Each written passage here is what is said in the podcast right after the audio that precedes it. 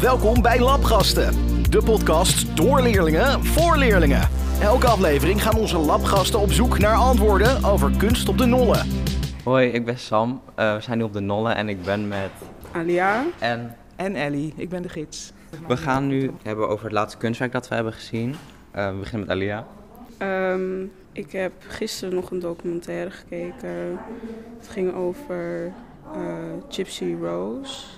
En uh, een moeder die had heel veel controle over haar. En het is ook een waar gebeurd verhaal. Oké, en ik heb voor het laatst een boek gelezen. Die heet Rood, Wit en Koningsblauw. En het is een roman. En ik vond hem heel leuk om te lezen.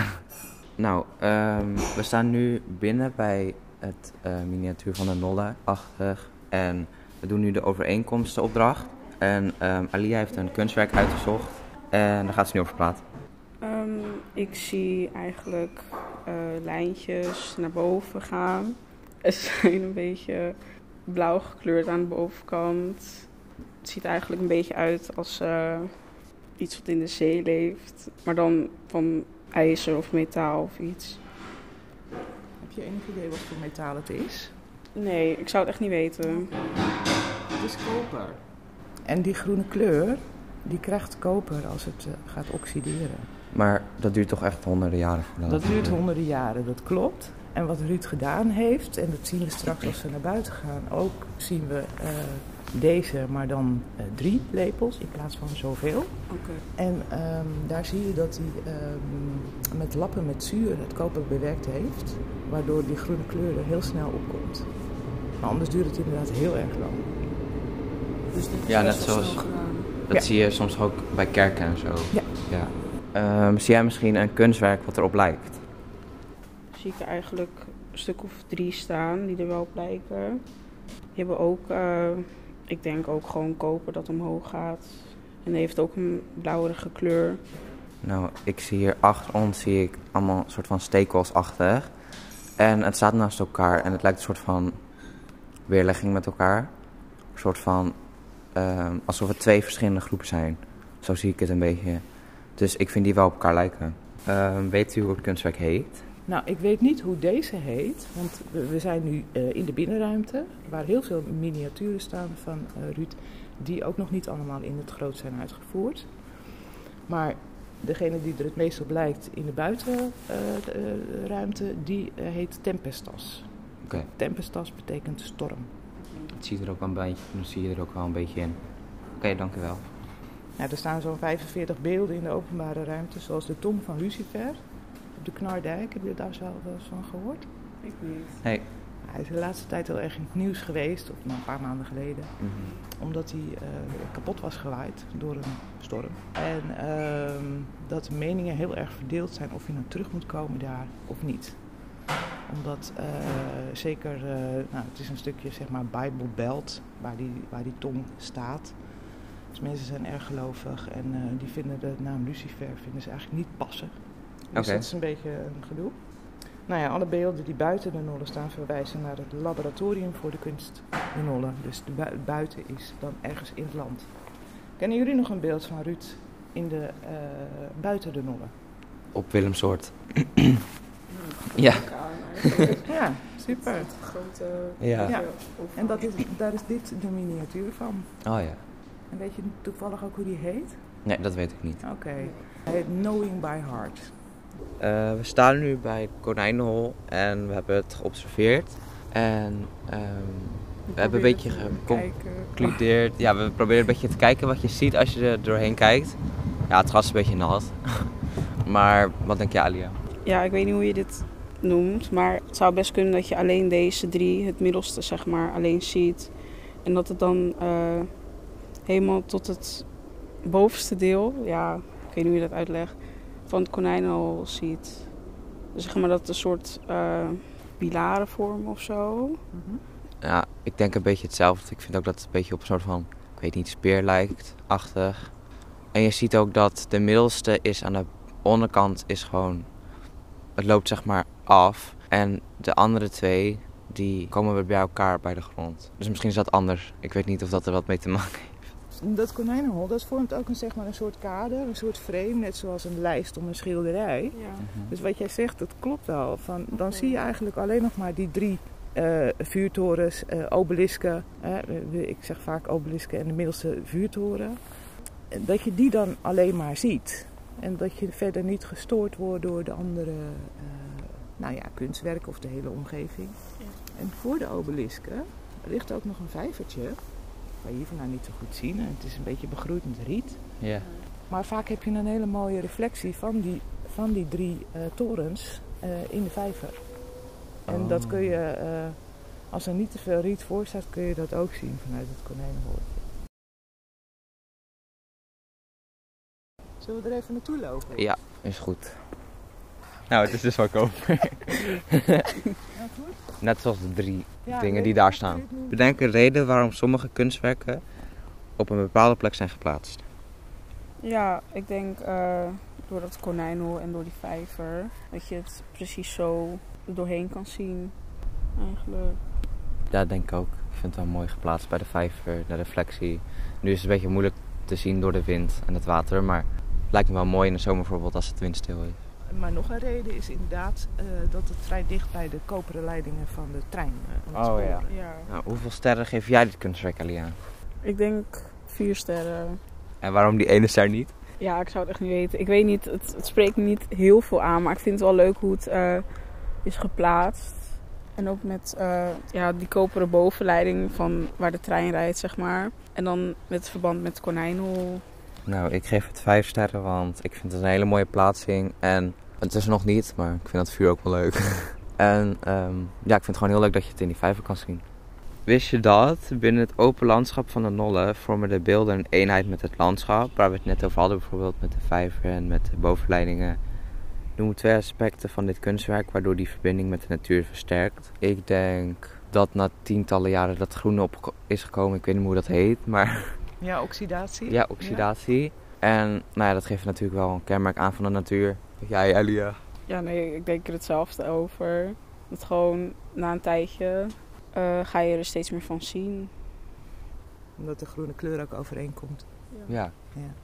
Oké, eh, we zijn nu begonnen aan de opdracht creatieve vergelijkingen. En we hebben net een minuut een nieuw kunstwerk geobserveerd. Een soort van schil. Nou, Alia, wat is een detail jij ziet in het kunstwerk? Het eerste waar ik aan denk is dat zeg maar aan de uiteindes dat niet vastzit aan de grond of iets. Ik denk dat het alleen aan het midden zeg maar vastzit. En de randjes zijn een beetje golvend.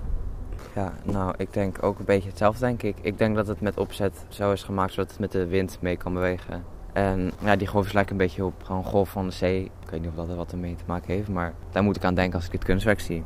Alia, als dit kunstwerk in een film zou voorkomen, welke film zou dat zijn? Nou ja, ik denk niet dat je dit, dit kunstwerk snel ziet in een film. Maar het zou misschien... Nou, ik zou het echt niet weten.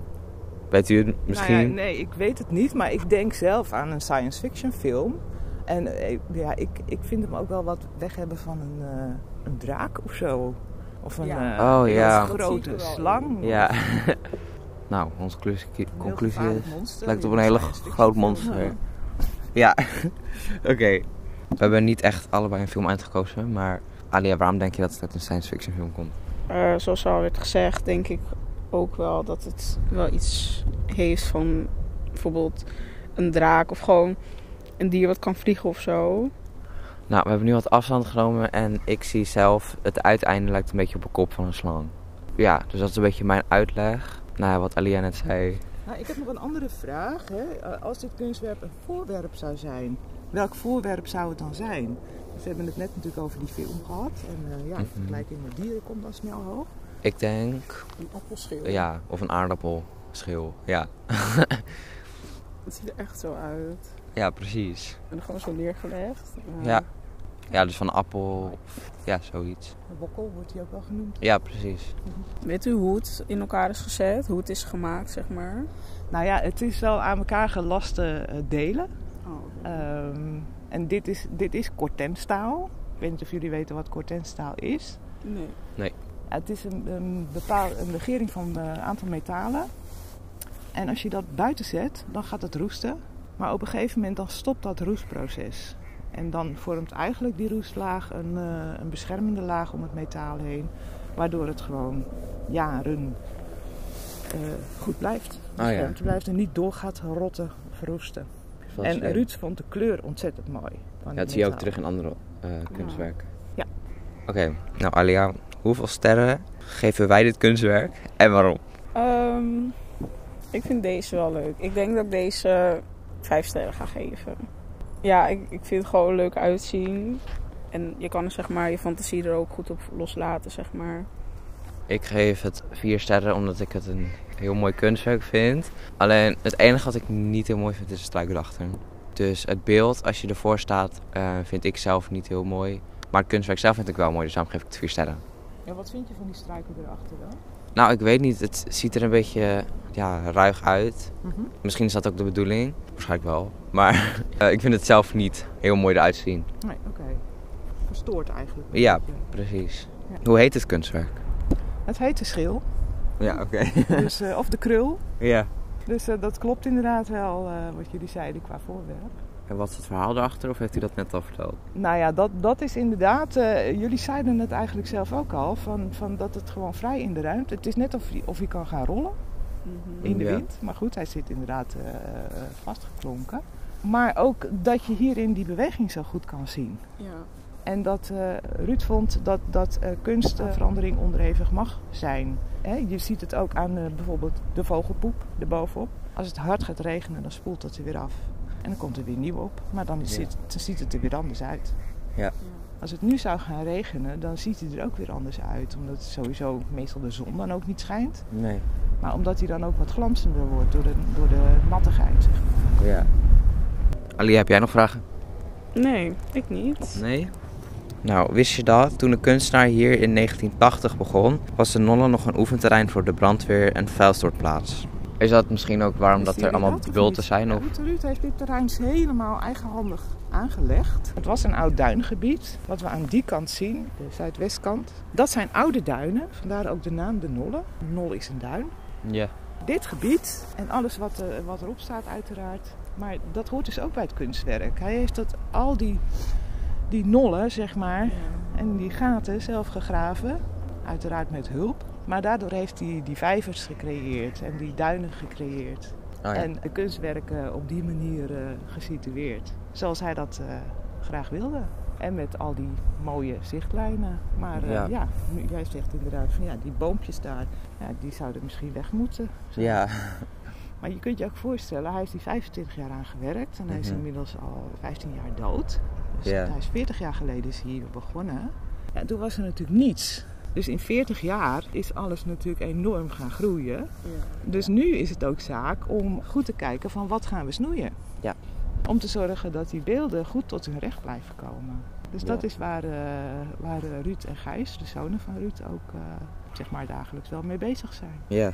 Bijna alle kunstwerken zijn gebouwd op bunkers uit de Tweede Wereldoorlog die dienden als fundament. Ja, er zitten 24 bunkers op het hele terrein.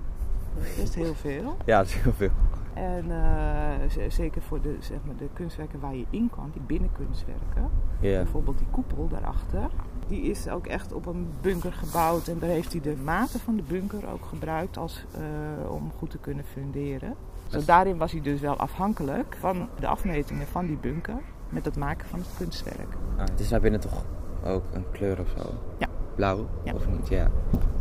Ja, ik ben er nog nooit naar binnen geweest. Maar hoe weet je het? Ja, ehm, andere mensen waren er vorige week wel in geweest. Dus Oh, die hadden oké. het aan ons verteld. En een van de beelden is een verwijzing naar de scheepswerf in Den Helder. Zien jullie welke? Ehm, zijn het die twee soort van schepen? Ja, we moeten denken aan schepen dus. De ode aan Den Helder. Oh ja. Is dat eigenlijk? Ja. Twee schijven. Ook een ode aan de mensen die hem zo geholpen hebben. Dus de staalwerkers, zeg maar de snijders en de lassers. Ja. Er heel veel eh, hulp van. Dus ja, Bedankt voor het luisteren naar weer een aflevering van Labgasten. Waar leerlingen niet alleen over kunst praten, maar ook met kunst. Tot de volgende Labgast.